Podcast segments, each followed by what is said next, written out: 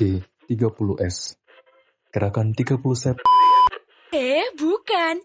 G30S, Gaung 30 September Podcast Sejarah Indonesia Dimulai dari hari ini sampai 30 hari ke depan Kalian bakal dengerin episode spesial dari kami Penasaran kan? Pokoknya dengerin deh Podcast Sejarah Indonesia dalam G30S adalah Udah, anak-anak Indonesia itu nggak akan pernah maju. Indonesia itu udah jadi negara maju, tapi kalian nggak sadar. Diam satu kelas. Ini kita masuk ke Ya, ya. Kalau bicara Bandit, memang posisinya adalah Semarang ini kan sebagai kota besar, ya. kota besar yang menjadi pusat industri yang sudah dibentuk oleh pemerintah kolonial. Kalau bicara industri, kita bicara situasi yang mungkin tidak sekompleks di Inggris ketika revolusi industri. Tapi ketika kita belajar revolusi industri, dijelaskan di kurikulum pendidikan sejarah kita, kita akan bicara masalah-masalah sosial. Ilmu sosiologi kan muncul juga dari situasi revolusi sosial. Itu kritik dari kehidupan sosial di masa revolusi industri abad ke-18 itu ya, di Inggris itu. Saya kira kompleksitasnya hampir sama seperti di Indonesia ketika revolusi industri itu masuk dengan bentuk misalnya pabrik gula dan sistem transportasi kereta api, kemudian masuknya mesin-mesin ya manufaktur ke ya Belanda. Saya kira juga kita belajar terkait dengan bahwa ekses dari industrialisasi itu adalah kehidupan sosial yang timpang. Nah, Ya, karena ketimpangan itu akhirnya muncullah Iya, ya penjahat-penjahat yang kemudian dia tidak bisa mengakses kesejahteraan seperti apa yang diharapkan.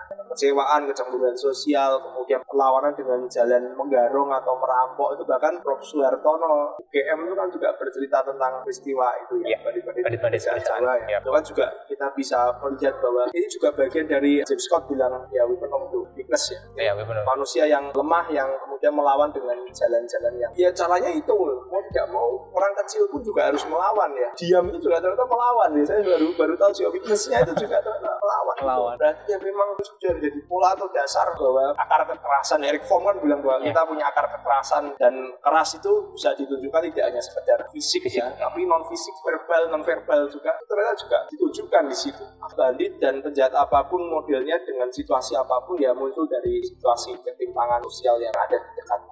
Deket banget dong itu kalau misalkan kemarin dideketin sama pembelajaran yang ketika kita pertama pandemi terus yang terjadi kan ketimbangan-ketimbangan banyak banget dong. Bisa dong itu contoh buat pembelajaran-pembelajaran kan deket banget. Dan jangan sampai itu muncul lagi kan chaos. Situasi pandemi terus kemudian kalau saya revolusi ya, Ya. revolusi industri terus ya situasi pandemi pun juga kontekstualnya kalau dengan SMA saya misalnya bercerita tentang seorang Ignatius Loyola itu kan seorang orang suci dalam ajaran agama Katolik yang dia menghidupi dunia pandemi Black Death itu. Ya. pes isu pes itu di masanya Loyola di abad ke-16 itu iya iya itu ketakutan warga kemudian diusir dari kota. Itu yang dialami. Saya bilang ini kontekstual juga. Bagi punya kemudian sekolah saya kan adalah sekolah yang membawa semangat agama misalnya. Tokoh yang kita manuti atau kita teladani juga mengalami situasi pandemi. Nah ini kontekstual banget. Loh. Nah. Black Death itu menghadapinya gimana dia pun menghadapi bahkan diusir dari satu kota berbenteng yang ada di Italia di Padua. Dia diusir dari situ karena dianggap membawa penyakit pes itu. Berarti kan sama kan? Situasinya sama ditolak kota ditutup gerbang karena modelnya bentuk kastil atau bentuk Iya, iya. iya. kota-kota Eropa di masa transisi pertengahan masuk ke era Renaissance Jadi kayak kota benteng, kota benteng gitu. Kota benteng itu di pesisir ya Italia bagian barat Jadi kalau teman-teman mau menggambarkan ya kayak Attack on Titan gitu. Bentuk-bentuk wilayahnya tuh kan tertutup mengalami gitu. itu, ya, itu. bahkan bicara mau nyebrang ke Yerusalem ke tanah Timur Tengah ya. Arab juga susah karena sama tidak punya device itu menjalar Udah ada lockdown berarti dong ya. ya itu loh jadi di Padua itu sebelum Loyola masuk ke kota itu kan sempat ditolak ketika dia perjalanan mau ke Yerusalem kan di Padua sampai dia diusir ya oleh penjaga karena berarti lockdown juga dulu juga ada kota itu ditutup dulu gerbang dia tidur di depan gerbang Oh. Nah, ada cerita itu juga, ada sequel cerita itu. Nah, lockdown itu mengulang peristiwa historis yang lampau. Lockdown tidak hanya sekedar penyakit, kemudian menutup sebuah akses daerah karena situasi perang dan sebagainya. Alami. Alami ya. Situasinya adalah perang salib. Dia sampai ke Yerusalem, dia diusir pulang dari Yerusalem. Nah, kembali ke Eropa sana. Kamu kalau di sini makan mati, karena kamu orang asing. Kamu nggak punya otoritas di sini. Iya, iya, kamu datang ke sini ada ziarah dan sebagainya. Pergilah dari Yerusalem. Tengah situasi panas perang salib. Sehingga bukan eks, bukan perang salib, jadi eksesnya perang salib ya yang masih dendam itu masih terbawa sudah masuk abad ke-16. Oh iya iya ya.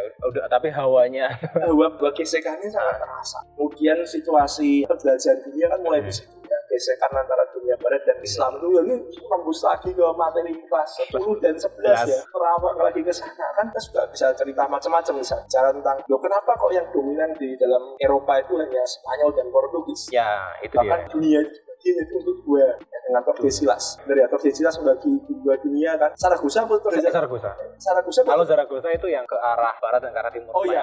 Saragossa terus Tordesillas itu yang Yang Zaragoza yang membagi pelayaran kalau misalnya Spanyol yang ke barat, terus Portugis yang ke timur. itu Saragossa Zaragoza. Nah, Tordesillas yang ke Maluku sama Filipina itu Iya. Nanti kita cari Iya. Saya langsung bilang berarti anak Tuhan itu hanya ada dua, Portugis dan Spanyol Spanyol. dan tidak salah. Dan bisa dia dibagi oleh Vatikan tanda kutip dunia itu hanya dua, jadi anak kesayangannya itu ya Spanyol sama Portugis. Portugis. Dan akhirnya menguasai dunia dengan pelayaran dan perdagangan dan ekspansinya itu. Ya, saya pikir ya ini juga satu jawaban bahwa yang disayang itu dua itu ya, dapat dua, dapat dunia di belah dua itu kan ya, berarti kan saking sayangnya. Tuhan itu sayang pada pada negara ini loh, bagi dua gitu.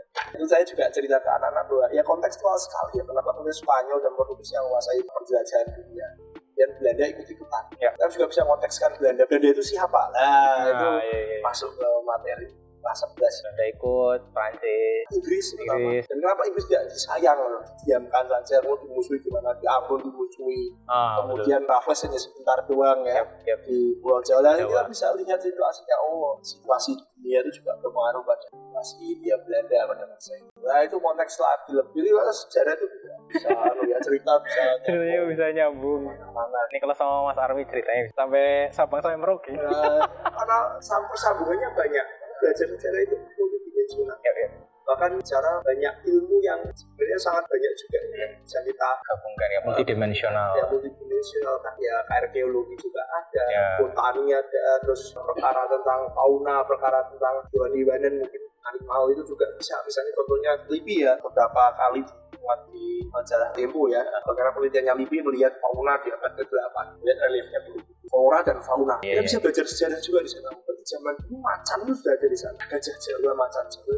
Dan beberapa hewan-hewan di masa itu untuk orang-orang biologi jelas oh ya abad ke-8 itu warga di Borobudur sana tanah Jawa itu sudah punya gambaran tentang gajah dan bentuknya sama persis zaman sekarang di evolusinya berjalan tidak ada berbedanya dengan sekarang mungkin keberadaannya yang punah dan sebagainya itu yang jadi cerita kita juga Kemudian ada perburuan ada apa, macan teman terus tanaman-tanaman misalnya Oh. botani ya siwalan pohon Nah, emang secara Mother of Science. Terus saya betul. Kita bilang gini ke anak IPA ya Pak, yang Ah. IPA yang. Kamu belajar saya belajar juga biologi. Masuk Pak, mau belajar kimia bisa. Kamu tahu Borobudur warnanya kok kuning gitu. Pernah ke Borobudur kenapa? Warnanya kuning. Gambar warnanya kuning. itu oker. Oker itu dari ya larutan dari Ah. kerang yang kemudian dihaluskan, kemudian dilekatkan ke relief untuk menghilangkan lumut dan sebagainya sifatnya asam ya. Jadi cepat untuk menghilangkan lumut dan bakteri dan sebagainya merusak relief itu. Di Borobudur itu kecerdasannya si arkeolog itu kemudian Dia menerapkan ilmu kimia dan ternyata berguna sampai Berguna dong. hari ini reliefnya utuh itu kita masih bisa lihat Enggak ambruk. ya satunya juga kimia juga nggak ambruk nggak ngerusak reliefnya Ya. rusak tapi kan jangka panjang Iya, ya iya, iya, iya. dia kan selamat dulu kar karya dan gambar itu kan utuh coba kalau dia nggak nge-oker itu saya bayangkan kita nggak bisa lihat karya monumentalnya kita indah kan nggak berbekas Ya, nggak usah jauh-jauh. Kita bicara tentang logam katakan. Bicara logam aja. Kita bicara tentang sejarah. Zamannya Majapahit sudah ada gending kan. Negara mana yang waktu itu bisa sengetren Majapahit, bisa ngebuat logam, menempa logam. Makanya Mas Arwi gini.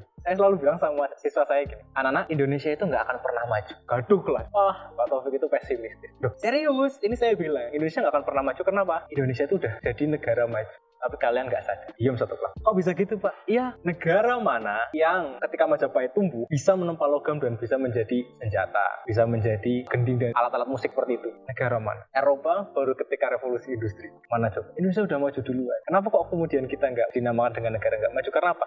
Orang Eropa tahu. Belajar banyak tentang kita, mereka membuat sistem baru, akhirnya kita ketinggalan. Mereka, oh, kadang kita nggak sesadar itu terhadap bangsa kita tuh yang sebenarnya udah jauh. dan waktu tarik-tarik itu luar biasa ya sejarah banyak memberikan nilai yang menurut saya ya keren lah. Dan ya itu diberikan untuk belajar sejarah itu sesuatu yang berharga. Dan saya bersyukur dengan itu berikan kesempatan untuk belajar sesuatu yang kemudian orang melupakan tapi yang ingat hanya kita. Ya menabung berkat atau nabung apa istilahnya ya? Nabung ya sesuatu kebaikan. Ya yang menyadarkan orang kemudian mendidik ataupun mendampingi ataupun apa bahasa yang kemudian bisa menginspirasi inspirasi orang bahwa ya mencintai negeri ini dengan beragam cara dan melihat teladan-teladan yang sebenarnya sudah pernah kita lakukan.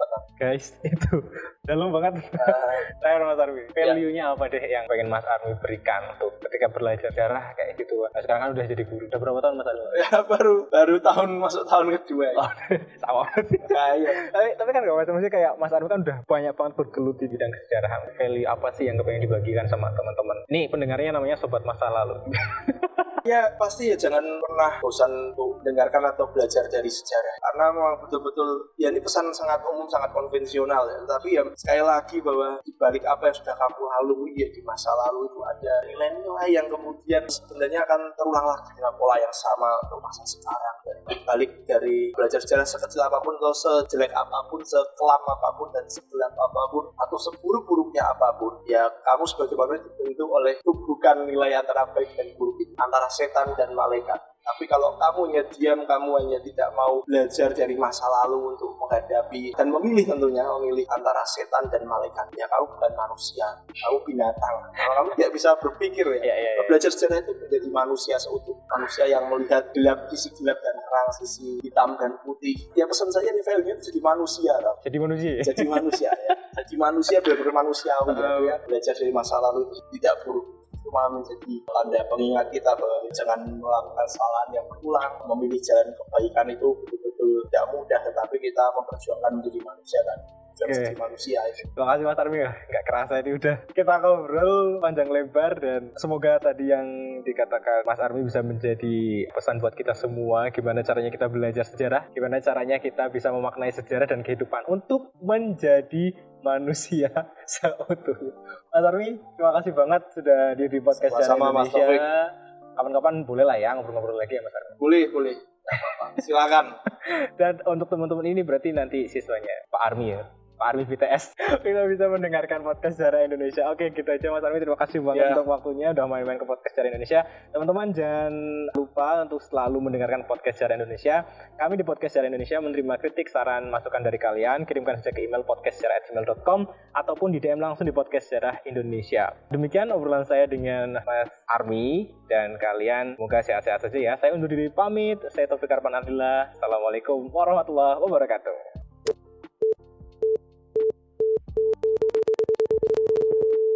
Terima kasih.